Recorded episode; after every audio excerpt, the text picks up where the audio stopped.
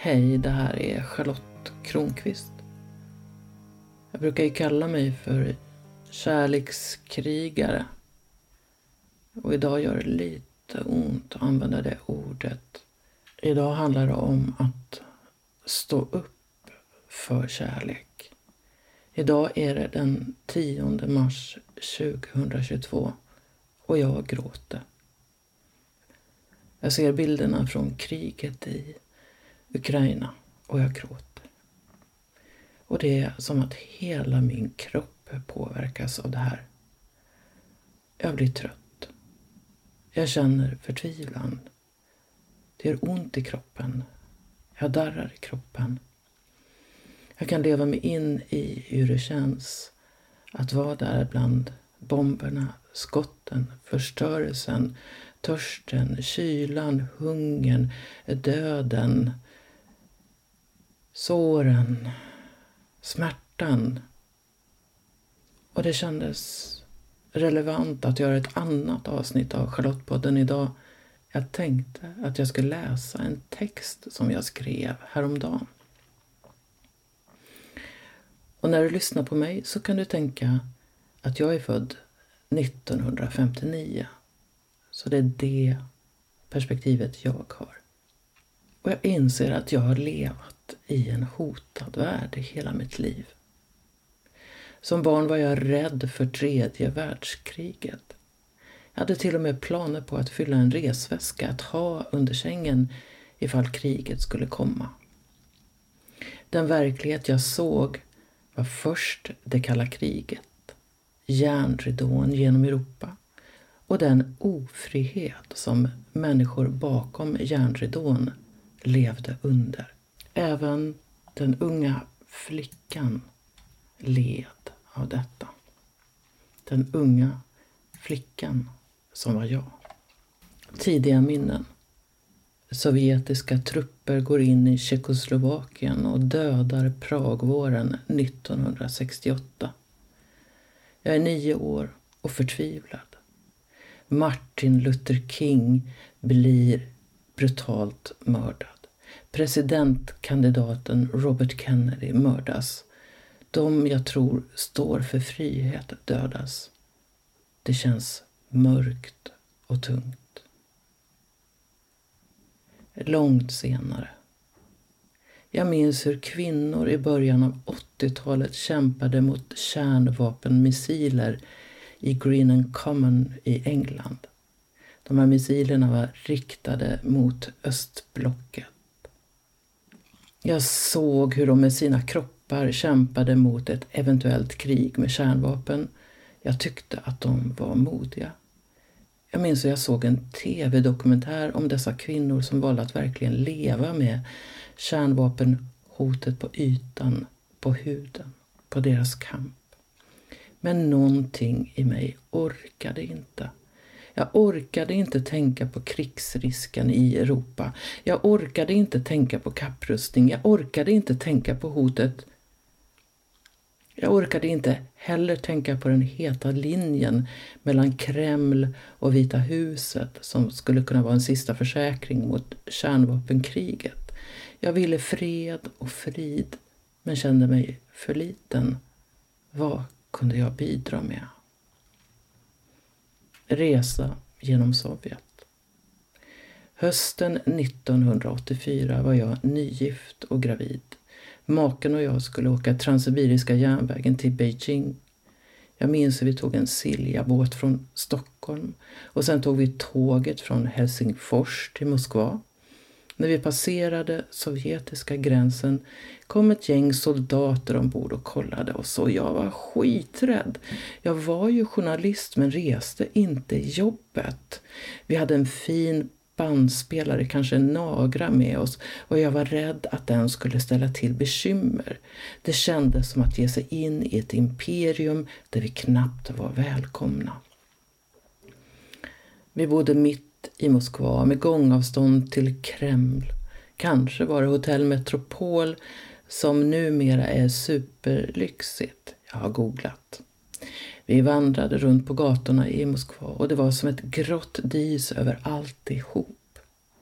Som gravid var jag både extra doftkänslig och ofta kissnödig och för mig kom Moskva att präglas av tre dofter. Kol, kol och kiss. Ingen av dem var angenäm.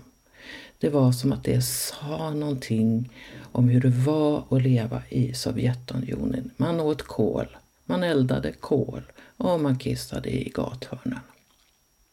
Rörelsefriheten var liten och jag kunde verkligen på huden känna hur illa jag tyckte om denna diktatur från mitt enkla gräsrotsperspektiv.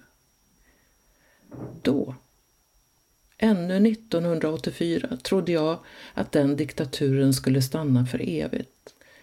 Att järnridån var något som bara var. Och jag skrämdes av att se fattiga människor, grå uniformer och många vapen.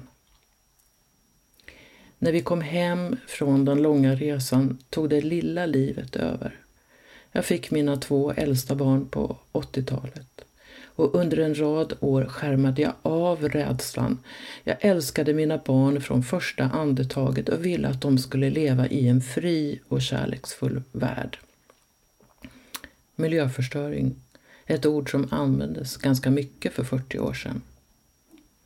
Redan i mitten av 1970-talet hade mina föräldrar börjat intressera sig för ekologisk odling.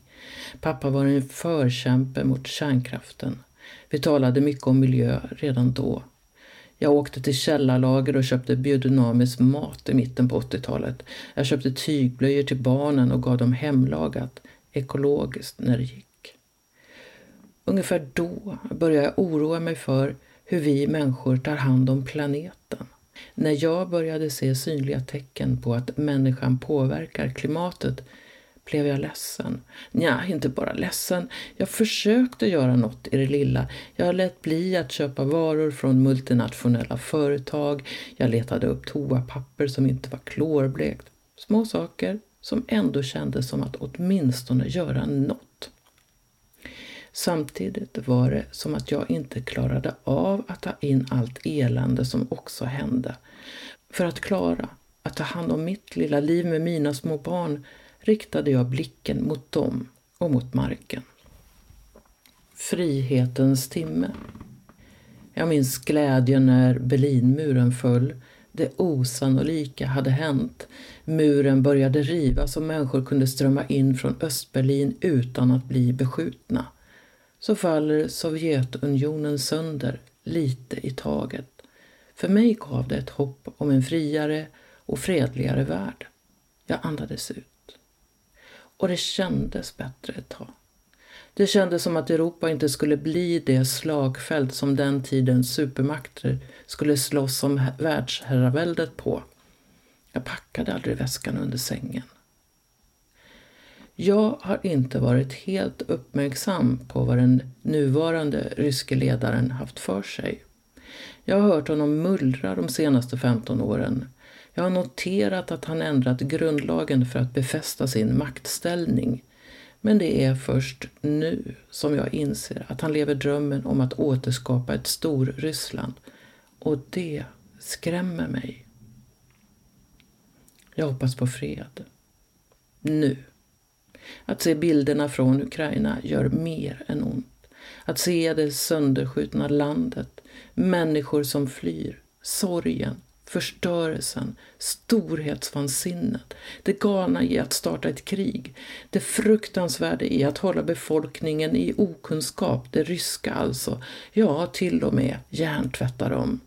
Ryska medier som bara får rapportera vad ledaren säger, ryska journalister som riskerar 15 års fängelse om de använder ordet krig. Vissa ögonblick känns det som att vandra in i George Orwells dystopi, romanen 1984. När jag tänker efter så var det ju lite märkligt att det var just 1984 jag tillbringade en resa genom Sovjetunionen.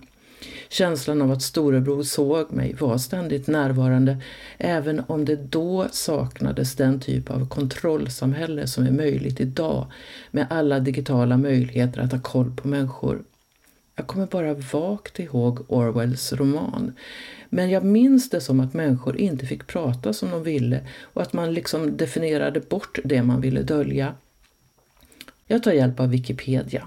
Nyspråk, engelska Newspeak, är språket som talas i samhället som beskrivs i romanen 1984 av George Orwell.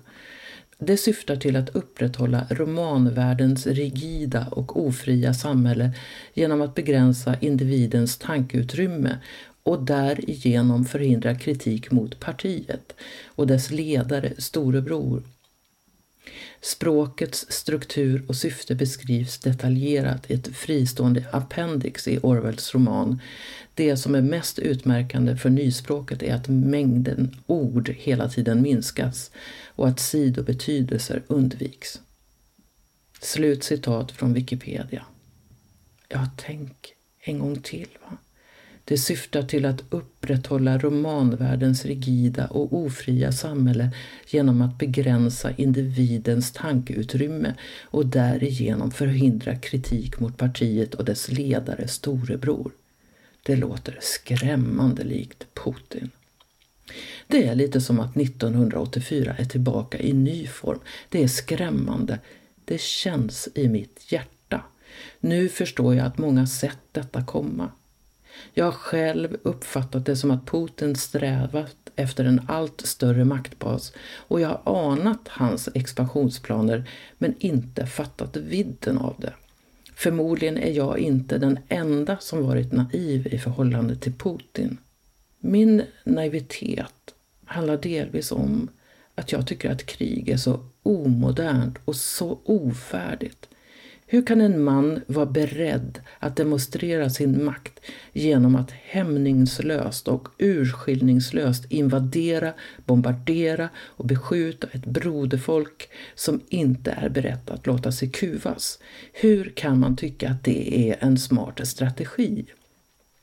För mig tillhör krig det sorgligaste bland sorgliga och jag tycker att det är märkligt att någon i denna tid, då så mycket sker med planeten, vill bidra till att förstöra ännu mer. Det, det har liksom ingen rim och reson.